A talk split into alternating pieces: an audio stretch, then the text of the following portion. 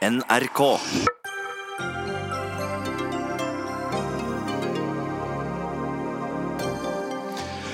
Åpen høring om Nav-skandalen i Stortinget i januar, men allerede i morgen må Stortinget ta stilling til Rødts mistillitsforslag mot ansvarlig statsråd.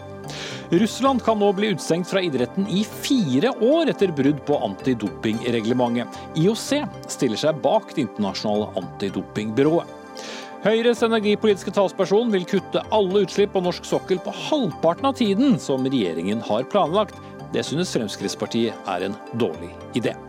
Nettleien skal endres, og den skal få oss til å fordele strømbruken gjennom døgnet, men Huseiernes Landsforbund frykter mest at nettleien nå blir dyrere. Og folk må få lov til å betale kontant dersom de vil, mener Forbrukertilsynet, men butikkene selv de vil helst velge om det skal bli kort og kontant.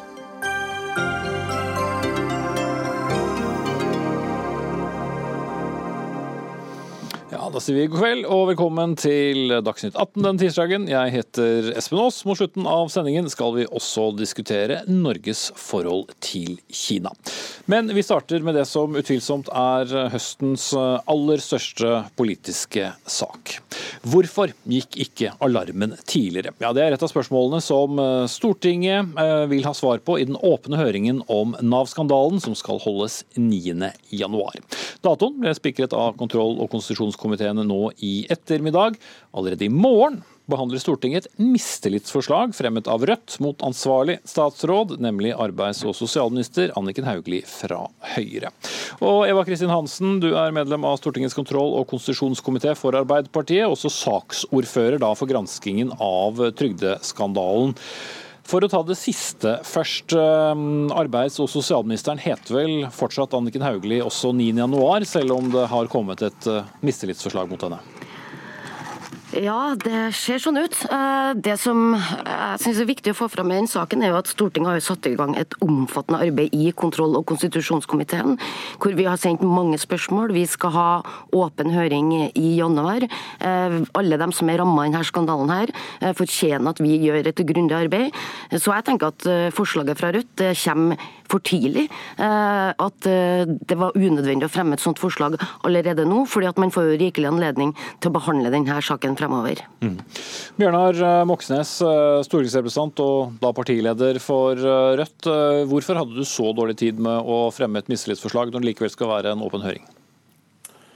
Da vi fremmer forslaget fordi sakens faktum allerede nå gjør det helt klart at Stortinget kan ha tillit til Anniken Hauglie, basert på både at hun i februar instruerte Nav om å ikke gå tilbake og se på saker tilbake i tid, dvs. Si rette opp i uretten, og basert på at hun da 30.8 i år fikk beskjed om at folk urettmessig satt i fengsel, og det går to uker før hun altså hadde et møte med Nav og begynte å, og etter hvert fem uker senere etter det igjen å få, prøve å få folk ut av fengsel.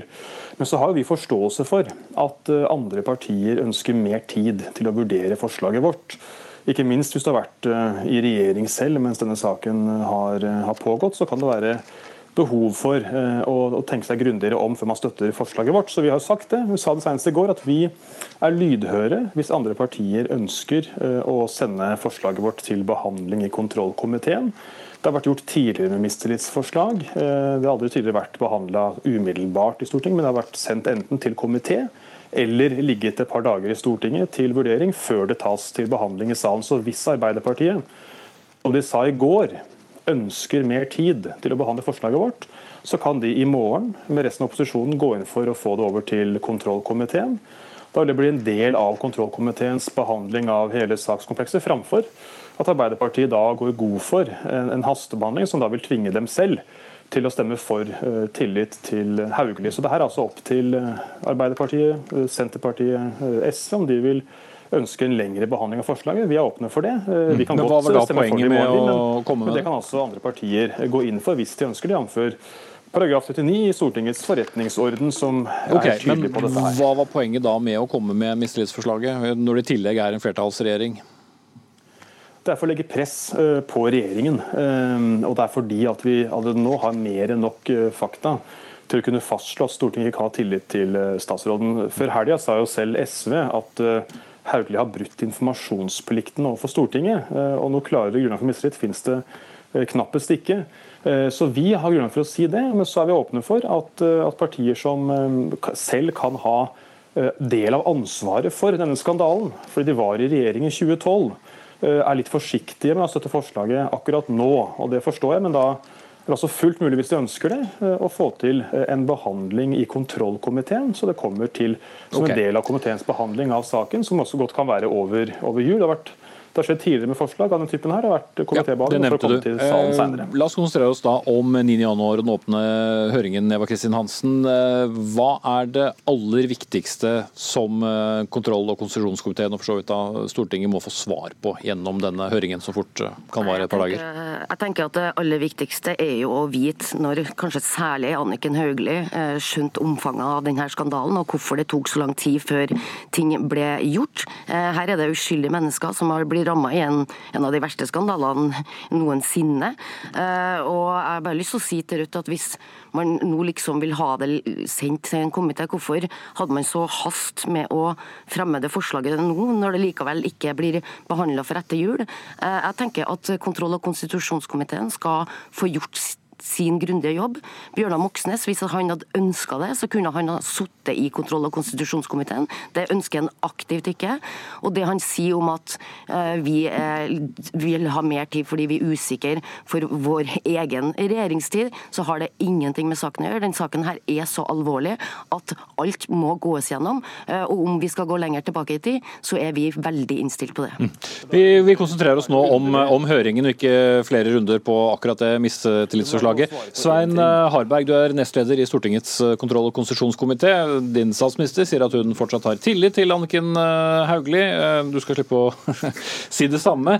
Men hvorfor mener også du at det nå er nødvendig med en åpen høring?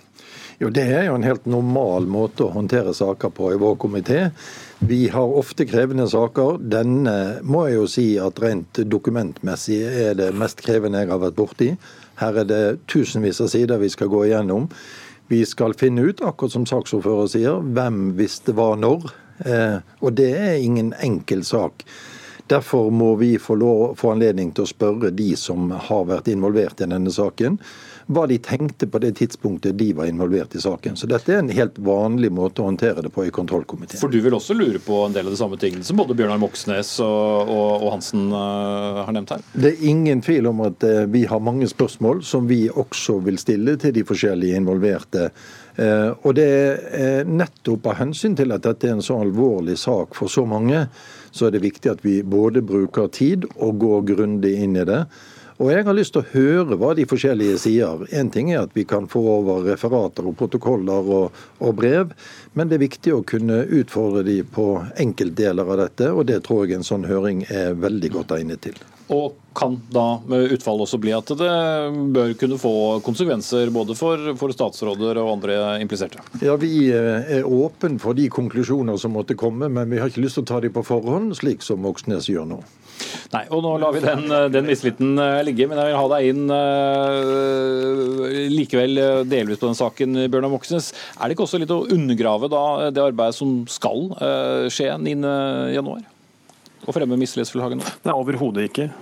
Overhodet ikke. Altså, det er fullt mulig. Altså, hvis Arbeiderpartiet mener alvor med det de sier om at de ønsker seg mer tid eh, til å behandle eh, spørsmål om tillit til statsråden, så kan Hansen gå inn for at forslaget sendes over til eh, komiteen.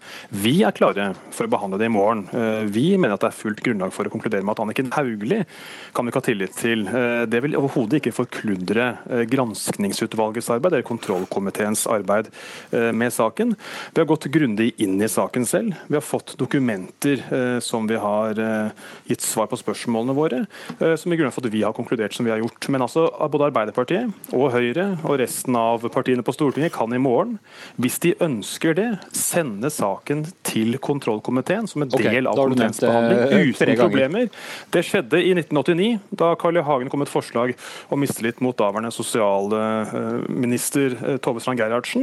Okay. Du har understreket akkurat det poenget flere ganger nå, Moxnes. Så vi bruker helt den, på dette de, ja, kan du spørre deg rett ut, da, Eva Kristiansen, er det aktuelt å gjøre det?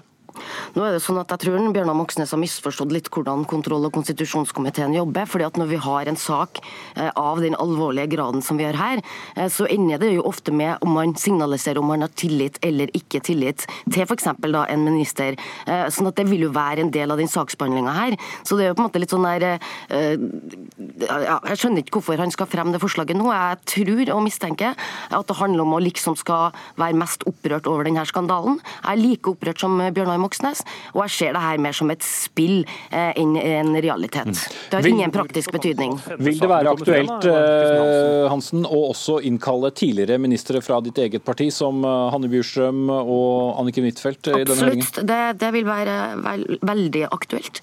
Nå skal vi gå gjennom den lista over alle vi skal kalle inn, og jeg tror nok den høringa her blir så omfattende at vi må bruke to dager, også den 10. januar. Og vi er veldig åpne for å hente inn folk fra tidligere regjeringer, også den rød-grønne. Mm.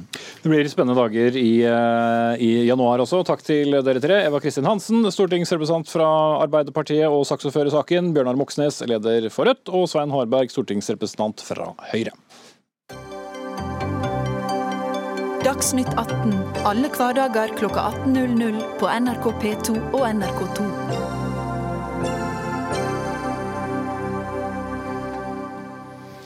I 2050, eh, altså om 30 eh, år og ja, en måned om du vil, skal klimautslippene på norsk sokkel være null, ut fra regjeringens planer. Men i nyhetene her i NRK i morges kunne vi høre Høyres miljø- og energipolitiske talsperson Tina Bru si at hun gjerne vil at det skal skje på halvparten av tiden, altså nullutslipp alt i 2035.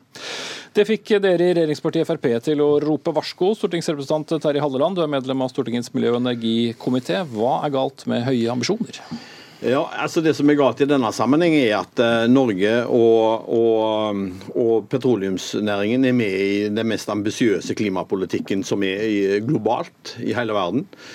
Eh, og Da reagerer jeg på at Høyre ikke finner det ambisiøst nok, og ønsker å eh, skru av enda litt mer til.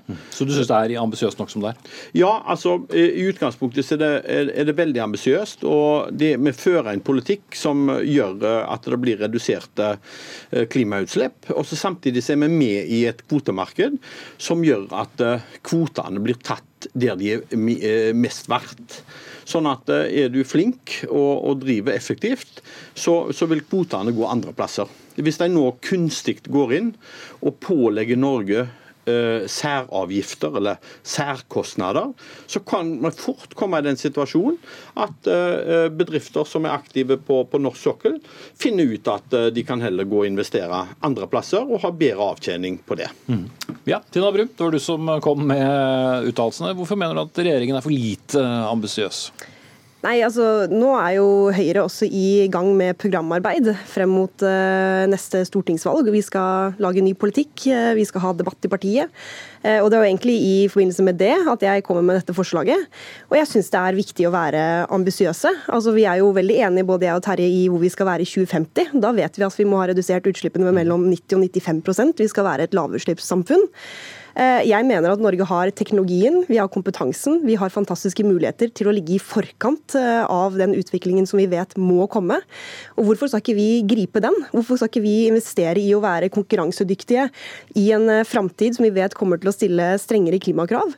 Og Vi ser nå òg at aktører innenfor industrien også er ambisiøse. Senest i dag på høstkonferansen til Equinor så hørte vi jo toner fra både Equinor og andre om at de også vil være kompatible med et Eh, mål om netto null i 2050. Eh, og det skjer allerede mye på sokkelen i dag som mm. går i retning av. Men du snakker jo rett og slett om en halvering av de opprinnelige ambisjonene til, eh, til regjeringen. Er du gitt ja. at all den industrien som kommer fra fylket dere begge representerer, Rogaland, er så klare for å halvere tiden? Jeg tror de også vet at det er den veien det går. Altså Som Terje også refererte til i stad, så har vi jo et eh, mål at vi skal ned med 43% innen 2030. Vi vet at EU er i prosess med å eh, diskutere om de skal oppjustere målene sine. Vi vet at kvotemarkedet blir strammere. Det blir dyrere å kjøpe kvoter, det blir dyrere å forurense. Vi har også varslet en opptrapping i CO2-avgiften som industrien her i Norge eh, allerede betaler. Så jeg tror at vi kommer til å nå det punktet hvor det lønner seg å investere i sånne type tiltak tidligere enn det vi kanskje har sett for oss eh, før. Og så tror jeg at eh, bransjen òg bør kunne se en slags egeninteresse i å investere i en framtidig konkurransedyktighet. Det tror jeg er lurt. Ja, altså, eh, Det som Tina prøver å si at eh, vi kan oppnå. Eh, det gjør vi med det systemet vi har i dag. Vi trenger ikke pålegge næringen enda mer. Skape en usikkerhet nå som gjør at folk eh, og bedrifter sitter på styrerommet og er usikre på skal vi investere på norsk sokkel, for vi kjenner ikke til konsekvensene av en regjering som nå vil gå vekk fra kvotemarkedet og pålegge enda strengere krav. Den usikkerheten der er det jo nå snart kun Fremskrittspartiet igjen som som varmt om. Eh, nå har Arbeiderpartiet vært ute flere ganger og ønsker å revurdere en del eh, av rammevilkårene for petroleumssektoren. Nå har vi sett eh, Høyre over minst tre oppslag som går på Barentshavet, som går på leterefusjonsordningen, og nå går på ekstra krav til utslipp. Og Da bekymrer det meg at vi har den viktigste næringen i Norge, den som skaper mest mulig velferd i Norge, skal bli utsatt for denne risikoen som vi gjør nå. Bru. Altså, Jeg kom med dette forslaget fordi jeg er kjempeglad i denne industrien. Jeg ønsker at denne industrien skal være her i framtida. Det skal ikke være noen tvil om at Høyre alltid vil være en garantist for at de skal ha gode rammevilkår, at de skal ha forutsigbarhet. Men hvis vi skal være der hvor vi ikke engang kan diskutere sånne ting som dette, som ikke handler først og fremst om å lempe kostnader på industrien, men som handler om å ha en diskusjon om hvordan de kan være konkurransedyktige, som de i stor grad allerede selv er med på å diskutere, ja, da begynner det nesten å bli litt tullete. Det, det, er jo ingen saker man kan diskutere. Halleland mener jo dette går utover konkurransedyktigheten, mens du sier at det fremmer det? Ja, nå tenkte jeg med på at han mener at, liksom, at Høyre engang sier dette her på en måte med å skape usikkerhet. Det syns jeg blir litt, eh, litt tøysete, rett og slett. Eh, og da er det i så fall mange eh, som har vært ute og spredd usikkerhet i dag. Blant annet Rederiforbundet vet jeg jo er positive til å selv se på visjoner for nullutslipp ganske da, tidlig. Da, da, kan du jo i samme andredraget som du sier du vil pålegge bransjen økte kostnader, si hvem som skal betale de kostnadene da? Jeg har ikke sagt at jeg vil altså, en, Du vet at vår regjering også er enig med at vi skal trappe opp CO2-avgiften. Det er det en enighet om. Ja, det er at, ikke på kvotepliktig sektor. Jo, men Kvotemarkedet kommer også til å bli strammere. De ja, kvotene kommer til å bli dyrere. Kommer til å bli strammere. Det er derfor vi ikke trenger noe ekstra krav på norsk sokkel i dag. Pga. at dette fungerer glimrende som det gjør. Det gjør jo ikke det når vi vet at eh, vi faktisk står på stedet hvil på utslipp innenfor denne sektoren i Norge. Og jeg tror det er litt, eh, litt utopi da, å tro at eh, alle kuttene innenfor denne sektoren skal utelukkende skje i andre land i Europa. At ikke vi skal være med på det. Pluss vi gjør jo masse ting allerede i dag. Altså Regjeringen har nettopp bevilget over 2 milliarder kroner for å bygge offshore havvind. Dette er jo også ikke, altså Hele forslaget handler også om å bygge nye industrimuligheter. altså De sammenhengene og mulighetene som ligger i f.eks. offshore vind, i kombinasjon med karbonfangst og -lagring, i kombinasjon med hydrogensatsing, i kombinasjon med mer elektrifisering offshore. Det ligger industrimuligheter her. Men, men internasjonalt, norske utslipp, hvor stor andel, hvor stor endring vil det gjøre om vi er enda strengere kun på de norske utslippene? Det store poenget må jo være det internasjonale? Ja, selvfølgelig er det det, og det vil det alltid være. Og det er ingen tvil om at eh, Norges andel av de globale utslippene sånn innenfor landegrensene er jo små sammenlignet med andre. men alle land blir små i verden, for å si det sånn. Altså, Vi òg må være med. Og med de rapportene vi vet som ligger til grunn for hele klimapolitikken vi fører, at vi vet vi skal være et lavutslippssamfunn i 2050, vi skal halvere norske utslipp på ti år. Altså Det må trappes opp innsats her også. Vi må gjøre mer. og Det er jo den prosessen jeg nå er i gang med sammen med resten av partiet mitt. på Hva skal denne politikken være. Men jeg er veldig enig med Terje. Vi skal ha gode rammevilkår. og Dette må være et spleiselag, og vi må spille hverandre gode. Mm. Altså Kvotepliktig sektor i EU er den mest ambisiøse klimaplanen som finnes globalt i hele verden. Og Det er den du vil stramme inn og gjøre enda, enda uh, strammere. Og Når du sier at uh, uh, utslippene ikke går ned i Norge nei, på, på norsk sokkel, ja, så betyr det bare at Norge er konkurransedyktig opp imot de andre som er med på den samme konkurransen på det samme markedet i hele Europa. Det er ikke noe mål at Norge på død og liv skal kvitte seg med utslippene hvis det totale markedet går ned. Utslipp, klimagassutslipp er et globalt problem. Da må vi òg se på det globale i det. Og Det systemet som vi har i dag, det er jo akkurat derfor Norge er blitt medlem. Da konkurrerer vi om utslippene og kostnadene så tar vi utslippene der som de gir mest resultater. Men nå skal jeg slippe dere ut, begge to. Takk skal dere ha. Tina Bru, stortingsrepresentant for Høyre. Terje Halleland, stortingsrepresentant for Fremskrittspartiet.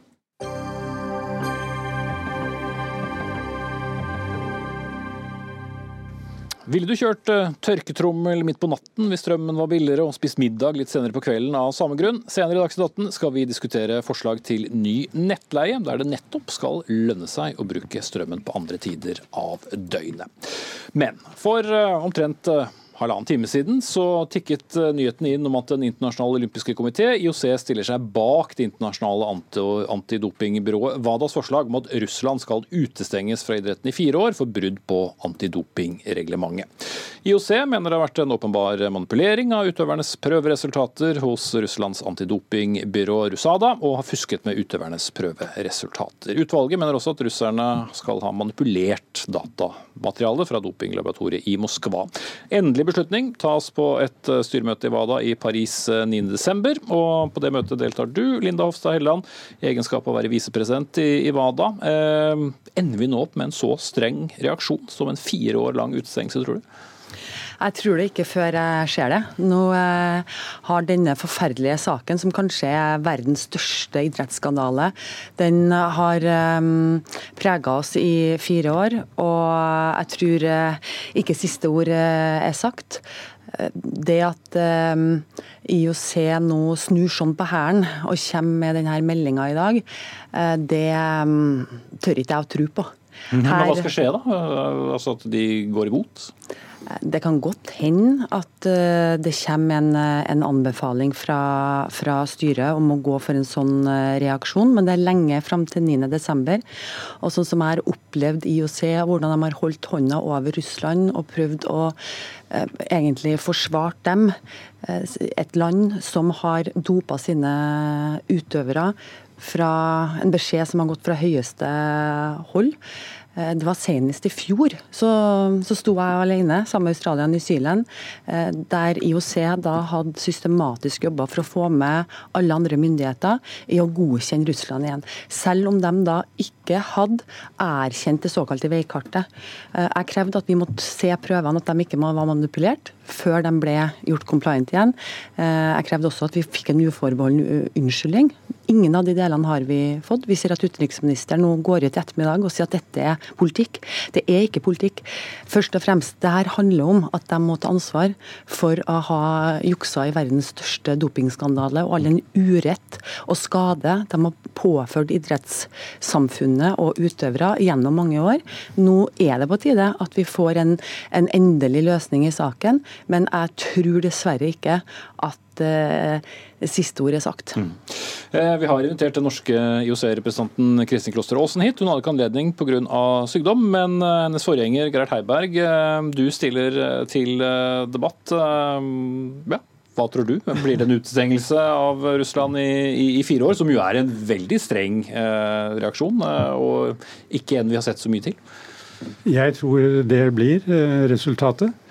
Jeg var selv veldig forsiktig forrige gang det var oppe, og følte at uh, russerne var villige til å endre sitt opplegg, hele systemet, endre folk, og sånn sett også ville være villige til å be om unnskyldning for det som er skjedd. Intet av det er skjedd. Så mm, sakte, men sikkert har vi i IOC følt, følt at uh, vi blir ført bak lyset. Og jeg er blitt forbanna, for jeg følte at eh, dette strider mot alt eh, som er eh, verdt i norsk idrett. Og det er riktig som Linda sier, at det er vel den største skandalen i, i idrettshistorien. Så de har manipulert. Dette er skjedd fra toppen. Og vi kan ikke finne oss i dette. Også fordi det kan smitte over på andre nasjoner hvis de slipper fri. Og det er flere nasjoner som driver noenlunde på samme måte. Så vi må statuere et eksempel. Og derfor tror jeg at eh, de fire år blir sånn som er foreslått av WADA. Og eh, så får vi ta det fra det. Men jeg tror også at eh, Russland kommer da til å appellere til KAS for å se om det ikke er mulig å få stoppet dette. Som er ankeinstansen? Ja, det er det. Eh, og, og Helland, er det der du tror eventuelt det kan eh, endres? Og, og hvordan fungerer denne ankedomstolen? Ja, altså for det første så er det jo sånn at uh, WADA består jo halvparten av myndigheter, halvparten av IOC.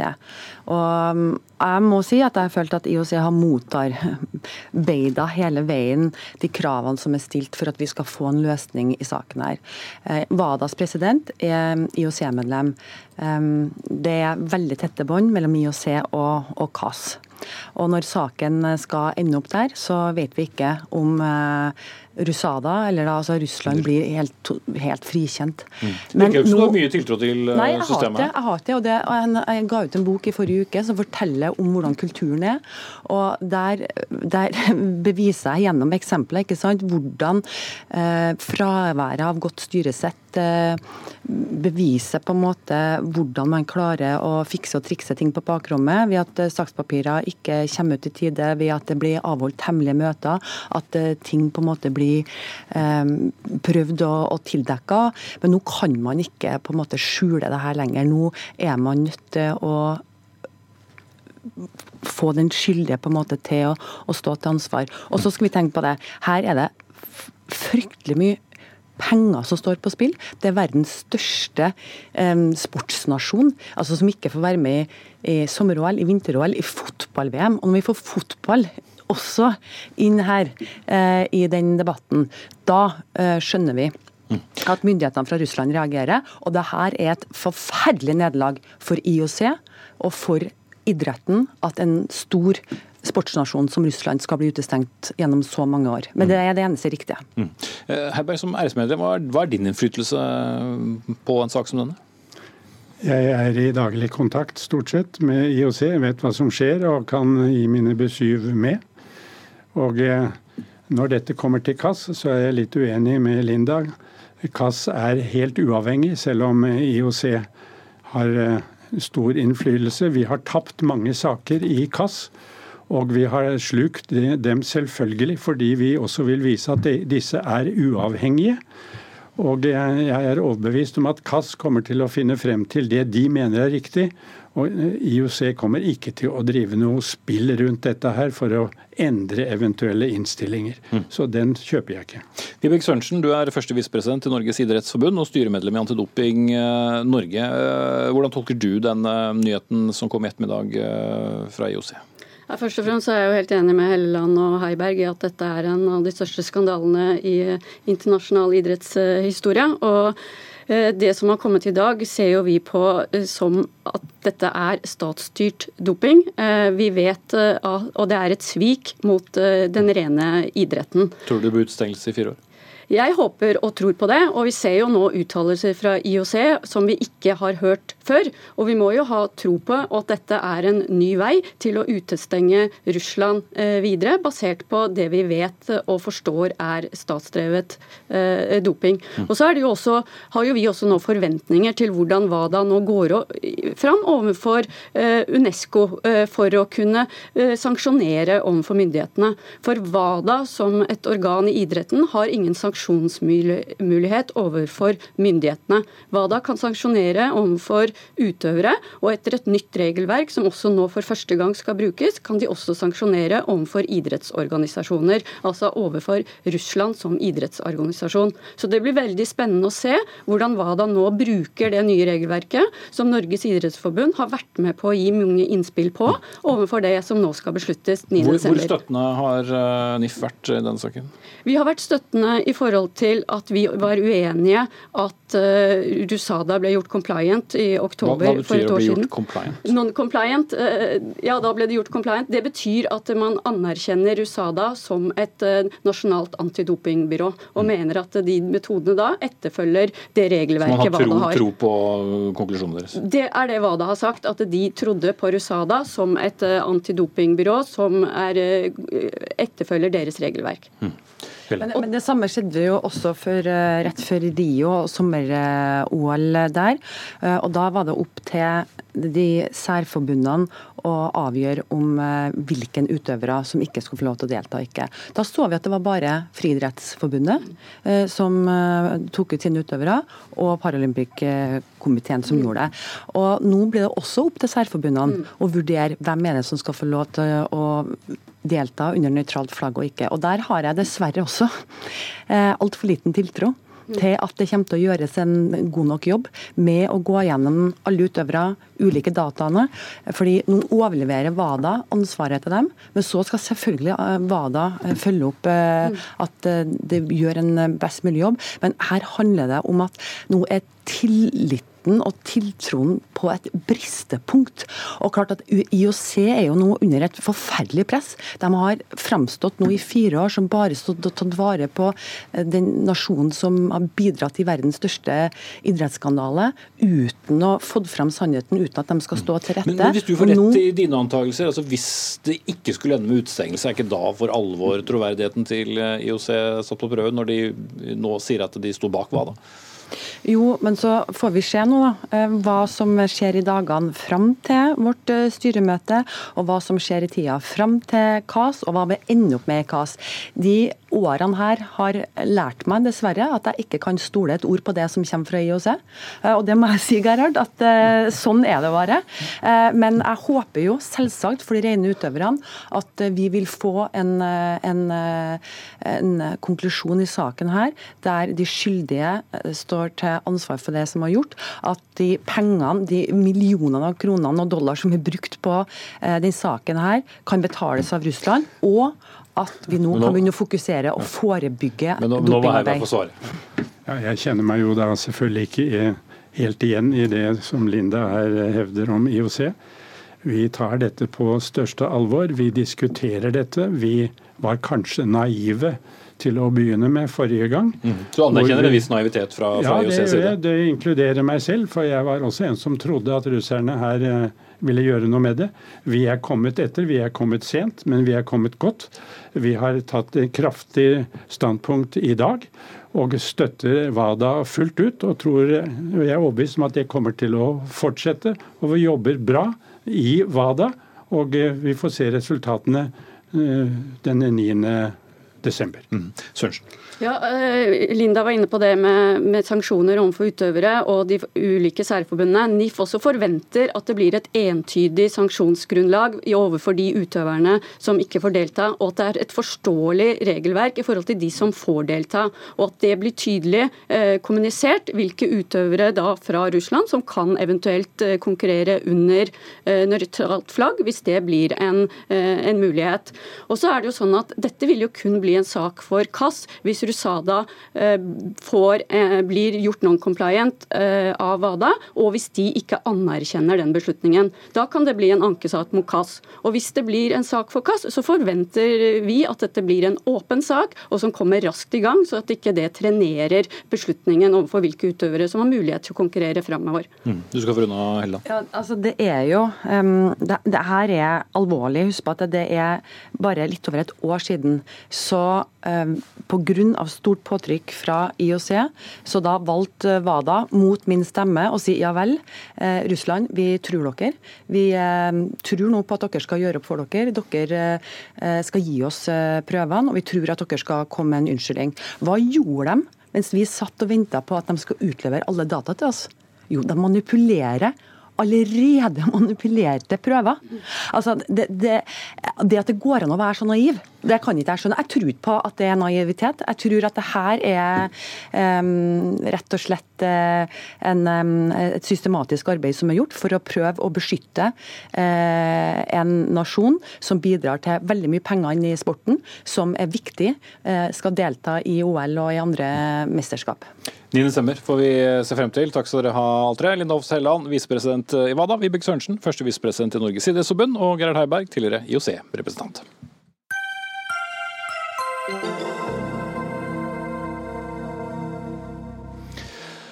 Det er som kjent ikke bare strømmen som koster, det koster også å få strømmen hjem. Også kjent som nettleien, den ekstra regningen du vet. Norsk vassdrags- og energidirektorat, NVE, vil nå endre hvordan denne nettleien regnes ut.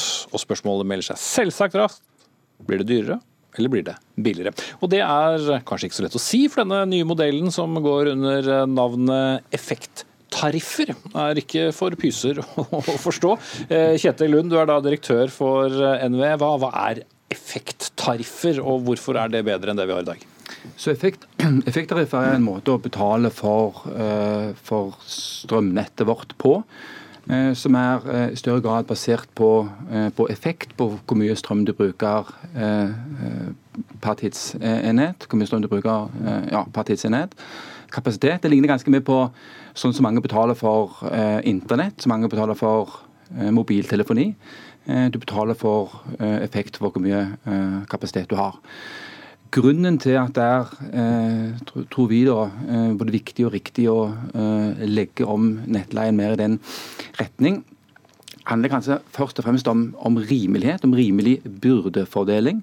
Strømnettet vårt er en del av vår felles infrastruktur, felles samfunnsinfrastruktur. og Det er 100% brukerfinansiert. Det koster husholdninger og næringsliv i Norge rundt 25 milliarder kroner hvert år. Eh, men i dag er det sånn at hvis du investerer i si sol på taket, så slipper du i stor grad unna den regningen. Eh, eller ta din andel av den regningen. Regningen forblir den samme, men må da bæres av eh, alle andre. Og det er, det er urimelig, og den urimeligheten bør rettes opp. Eh, så det er ikke noe dramatisk ting vi foreslår, men en gradvis omlegging til en mer rimelig byrdefordeling. Mm. Morten Andreas Meyer, du er da generalsekretær i Huseiernes eh, Landsforbund. Eh, du mener snarere at dette blir dårligere? Ja, dette er et helt unødvendig tiltak. Landets boligeiere skal være med på det grønne skiftet. Vi skal sørge for å bidra til å fullektrifisere Norge.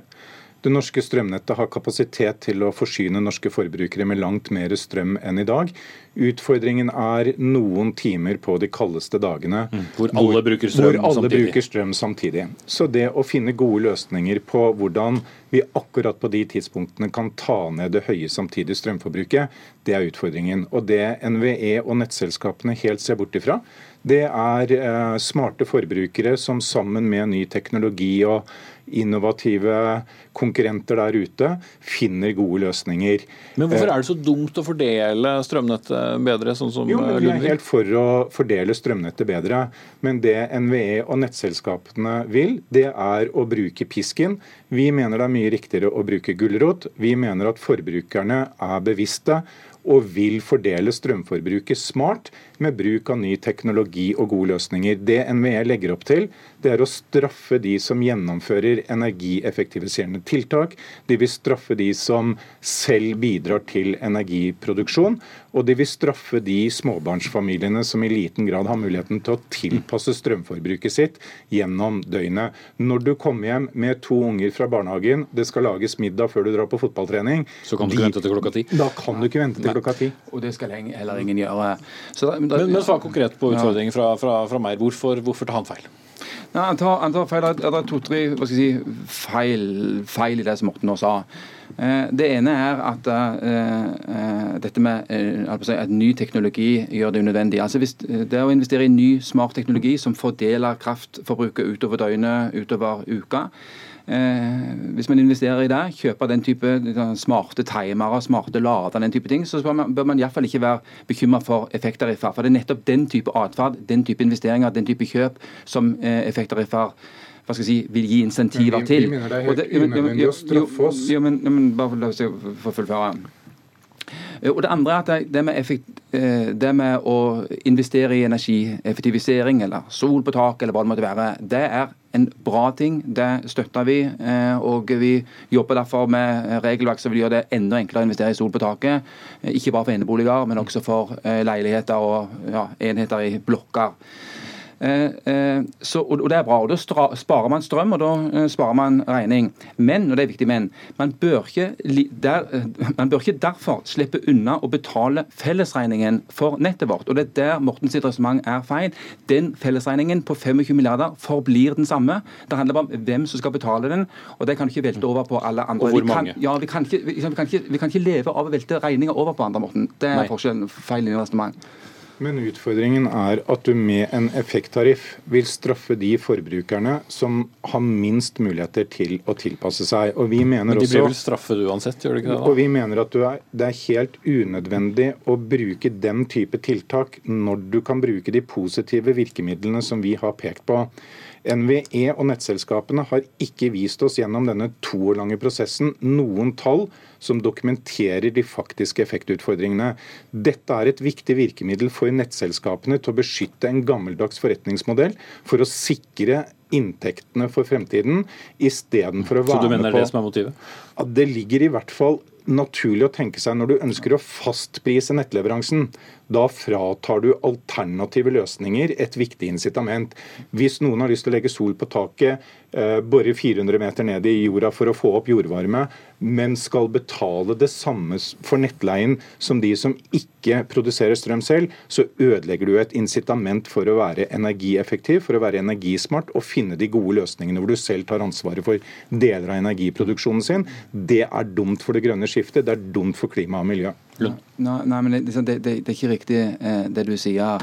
Fordi at det, det vil fremdeles lønne seg å gjennomføre energieffektivisering. Det vil fremdeles lønne seg å investere i sol og eh, eh annen lokal eh, produksjon.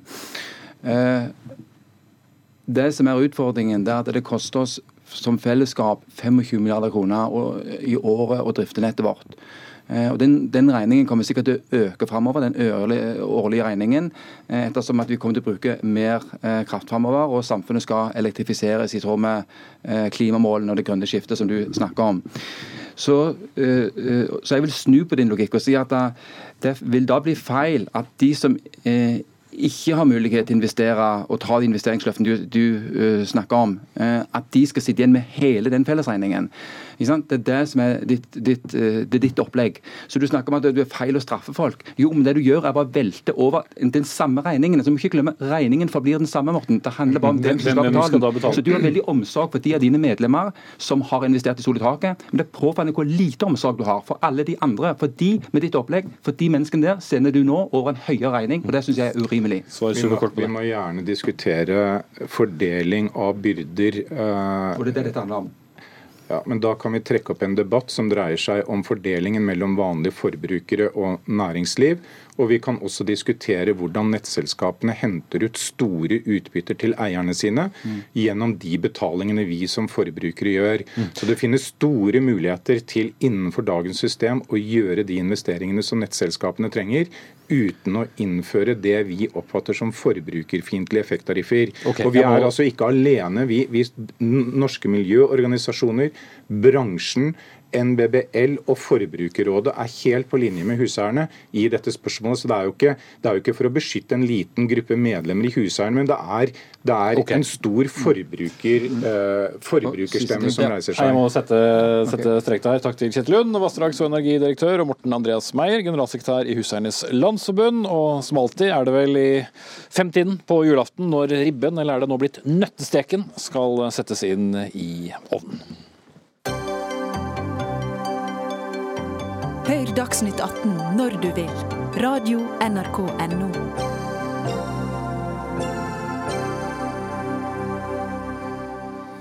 De aller aller fleste av oss velger å betale enten med kort eller med mobiltelefon kanskje, når vi kjøper noe. Kun én av ti betalinger skjer nå kontant, ifølge Norges Bank. Og det har fått bedrifter som Vy buss, Cutters frisører og Elkjøps telefonhus til å mer eller mindre slutte å ta imot kontantbetaling. Men direktør Elisabeth Lier Haugseth i Forbrukertilsynet, dette liker ikke dere noe særlig. Hvorfor uh, må vi holde på denne gamle betalingsmåten overalt. Ja, nå ser vi at Flere og flere næringsdrivende tester jo ut metoder for å effektivisere driften. og Det er jo vi positive til å skjønne behovet for utvikling. Men så er det sånn at retten til å betale med kontanter den er nedfelt i finansavtaleloven. og når den retten uthules, så er det noen eh, som må snakke forbrukernes sak, og det er vi. Mm. Men er det så viktig i seg selv å fortsatt kunne ha den muligheten? Ja, det, er det, altså det er en rett eh, som forbrukerne har til å kunne betale med kontanter. Eh, noen eh, vil rett og slett bruke kontanter. Noen kan ikke bruke noe annet enn kontanter, har ikke mulighet til å betale med kort. Men det er et veldig lite mindretall? Ja, men Vi kan ikke frata det lille mindretallet muligheten til å betale for eh, varer og tjenester som eh, flertallet av oss har tilgang til. Mm. Administrerende direktør Ivar Hornland Christensen i Virke, dere mener selv at dette får bedriftene få lov til å velge om de vil ha kort eller kort og kontant? Ja, det mener vi. Og eh, det er jo sånn at det er jo forbrukerne som driver frem den utviklingen. fordi når da kontantandelen er halvert de fire siste årene, så er det jo egentlig vi som forbrukere som går i front på dette. Og det vi mener er at vi må endre sånn at det er mulig for bedriftene å faktisk velge dette selv.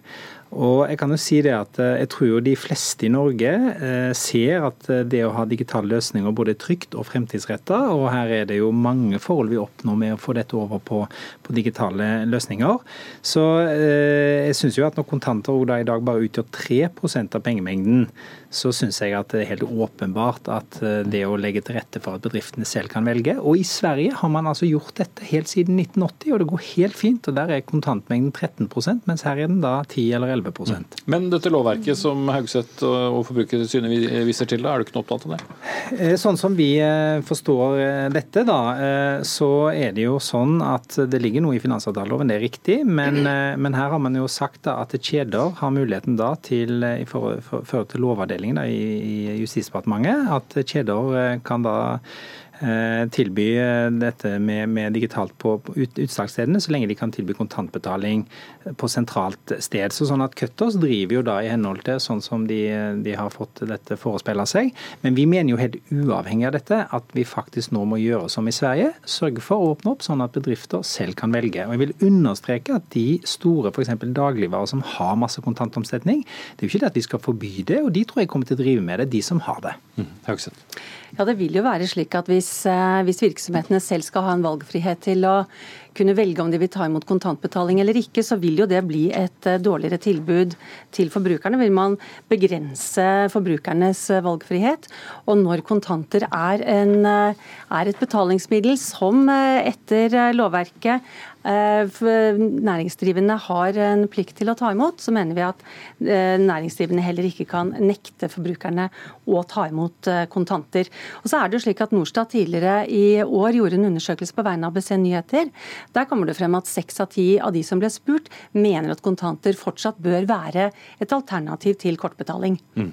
Men argumentet om at kundene sjuende og sist kanskje vil tjene på at mange slipper å i tillegg måtte ha utgifter på å både ha vekslepenger, ta imot kontantbetaling og frakte det til, til banken uh, etterpå, er ikke det et uh, poeng, da? Du som ivaretar forbrukerne? Utviklingen kan jeg se kan kanskje gå den veien. Vi er ikke riktig der ennå. Eh, så lenge vi har kontanter som en mulighet for betaling, det finnes forbrukere som foretrekker å betale med kontanter, så vil det jo være en, eh, en fratagelse av forbrukernes valgfrihet i, hvis de er nødt til å betale med kort og ikke kan velge hvilken forretning de skal gå i.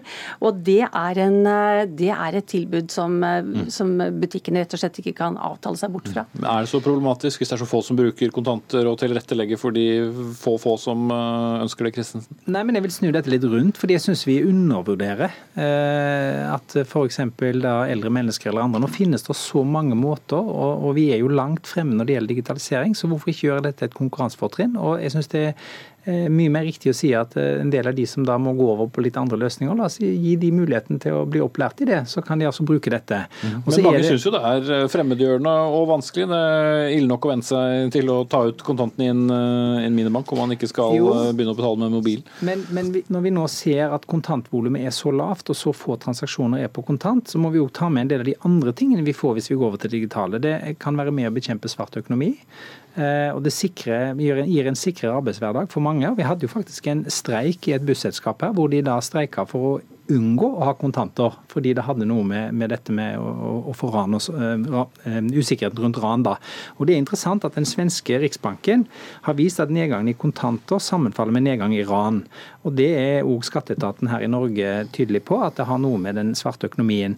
Så jeg vil velge å si at de som da syns dette er vanskelig å gå over, uh, heller bør vi anerkjenne at vi får hjelpe til så de kommer over. Og så er det viktig å understreke at det vi vil, er at de bedriftene som ikke har kontantomsetning, kontantomsetning av betydning i dag, får lov å velge, mens de som har kontantomsetning, kan ha kontantomsetning. Mm.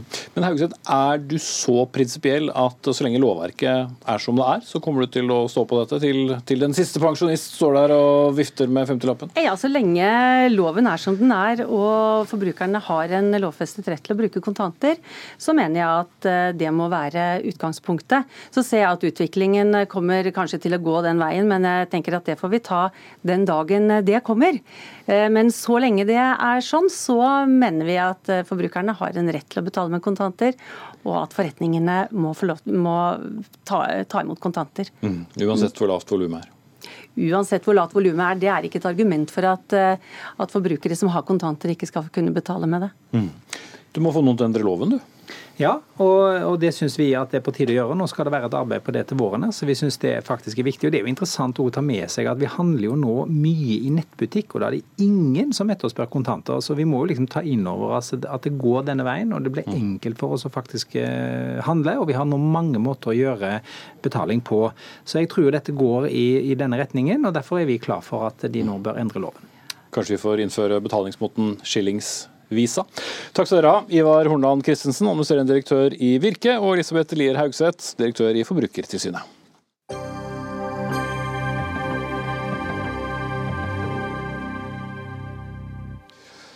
Avtalen som eh, fikk tint opp det frosne forholdet mellom Kina og Norge i 2016, 2016 er så ydmykende for Norge at den burde sies opp. Det mener Petter Eide i SV, som på eget initiativ nå har kritisert den. I avtalen så lover Norge å ikke kritisere Kina, men tvert imot verdsette alt Kina står for høyt. Avtalen kom som kjent på plass etter en iherdig innsats fra det norske utenriksdepartementet, seks år etter at Nobelkomiteen fornærmet Kina så veldig ved å gi fredsprisen til Liu Xiaobo.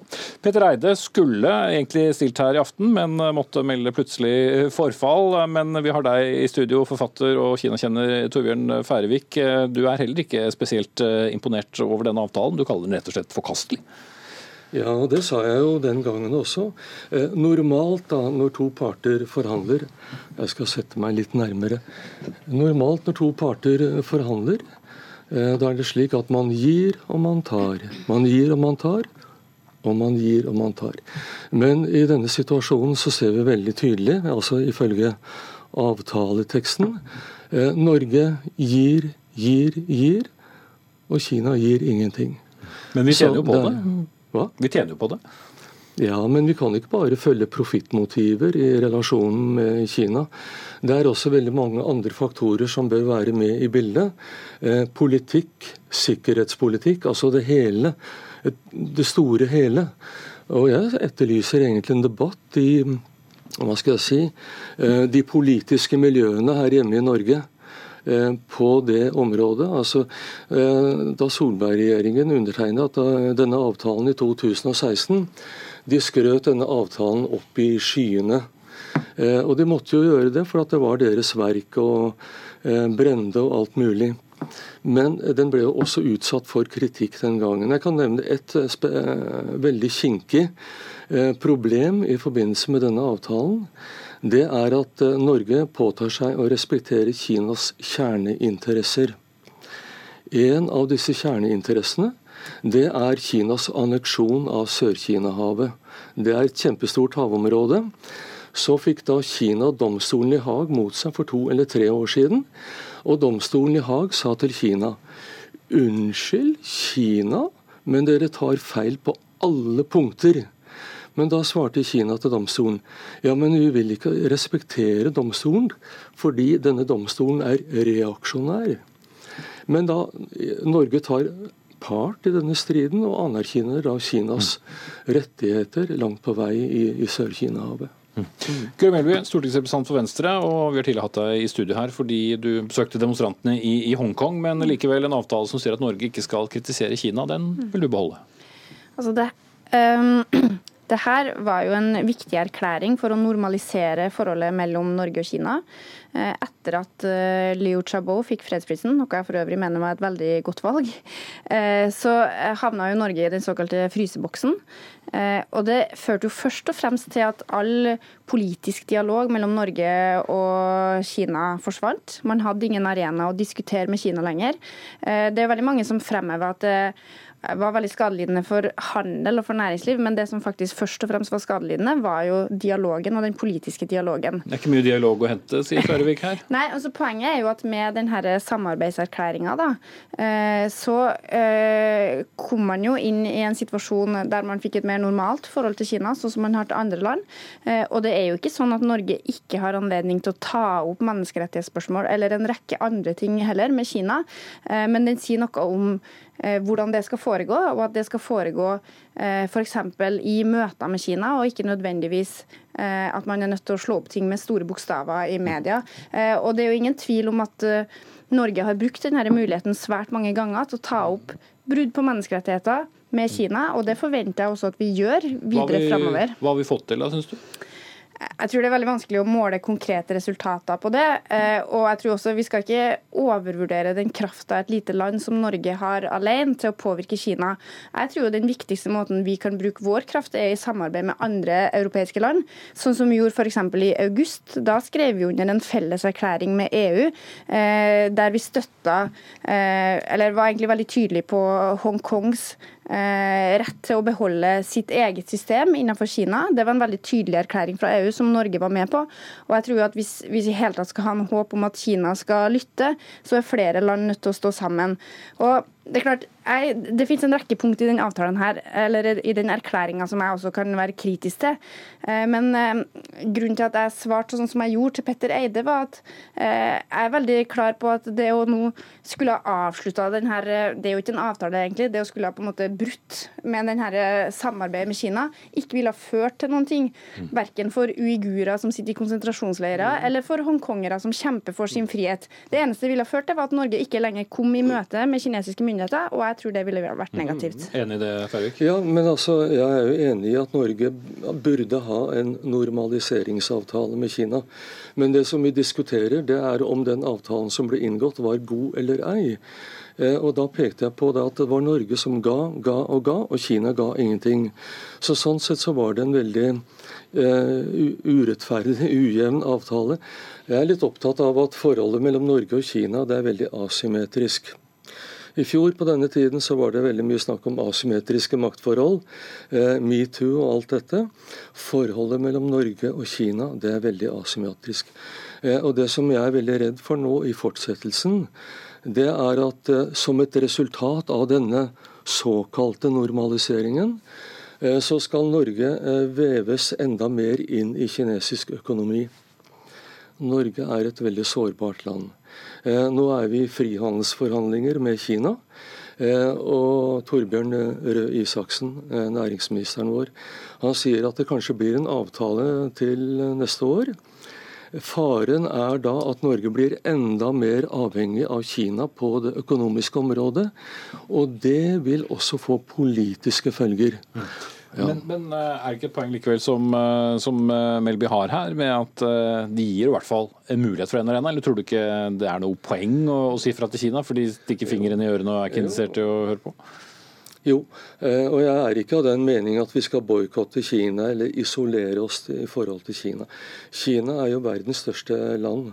Men det er også vel, verdens største og farligste diktatur. Så da er det veldig viktig å ha garden høyt oppe. Eh, og det jeg lurer på innimellom når jeg følger debatten i Norge i, i, På Stortinget så er det jo de kan På Stortinget der kan de sitte i uker og måneder og diskutere sau og bompenger. Men når har de de prinsipielle debattene om Kina f.eks.? Og da spør jeg meg har politikerne på Stortinget og i regjeringen har dere garden høyt nok oppe? Mm. Det syns jeg er et godt spørsmål. Eh, og der tenker jeg jo at vi som stortingsrepresentanter har en mulighet til å spille en større rolle enn det kanskje mange av oss har gjort. For selv om den erklæringa sier noe om hvordan regjeringa kan opptre, og hvordan myndighetene skal forholde seg til Kina, så er det jo ikke en erklæring som, re, eh, som, regulerer hvordan vi som stortingsrepresentanter kan snakke om Kina. Jeg har jo brukt den anledningen jeg da har fått etter jeg har vært i Hongkong, til å kritisere Kina mange ganger. Jeg har vært tydelig på at det er et kommunistregime. Et regime som vi ikke kan ha noe naivt forhold til når vi handler med dem. Vi må være klar over at det er et et, et regime som har veldig sterke ekspansjons ambisjoner.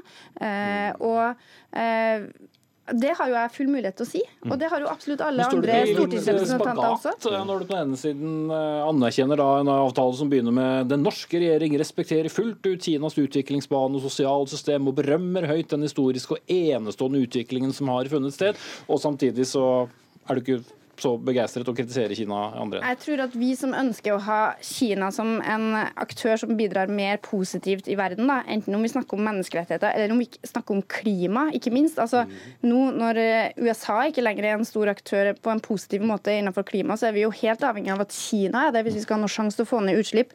Så det er klart at eh, vi må tenke at vi har forskjellige roller her. Regjeringa har én rolle og én måte å påvirke på. og Da tenker jeg at denne erklæringa bidrar faktisk positivt, som gjør at vi møtes okay. rundt samme bord. Og så kan vi som står litt friere, bruke muligheten til å si fra når vi mener at Kina trår over sine grenser. Guri Melby, stortingsrepresentant for Venstre. Torbjørn Færvik, journalist og forfatter, fikk eh, siste ord der. Eller det får jo alltid jeg, da. For jeg skal si at ansvarlig for sendingen var eh, Dag Dørum. Teknisk ansvarlig Erik Sandbråten. Jeg heter Espen Aas. I morgen er Sigrid Solund på plass i studio.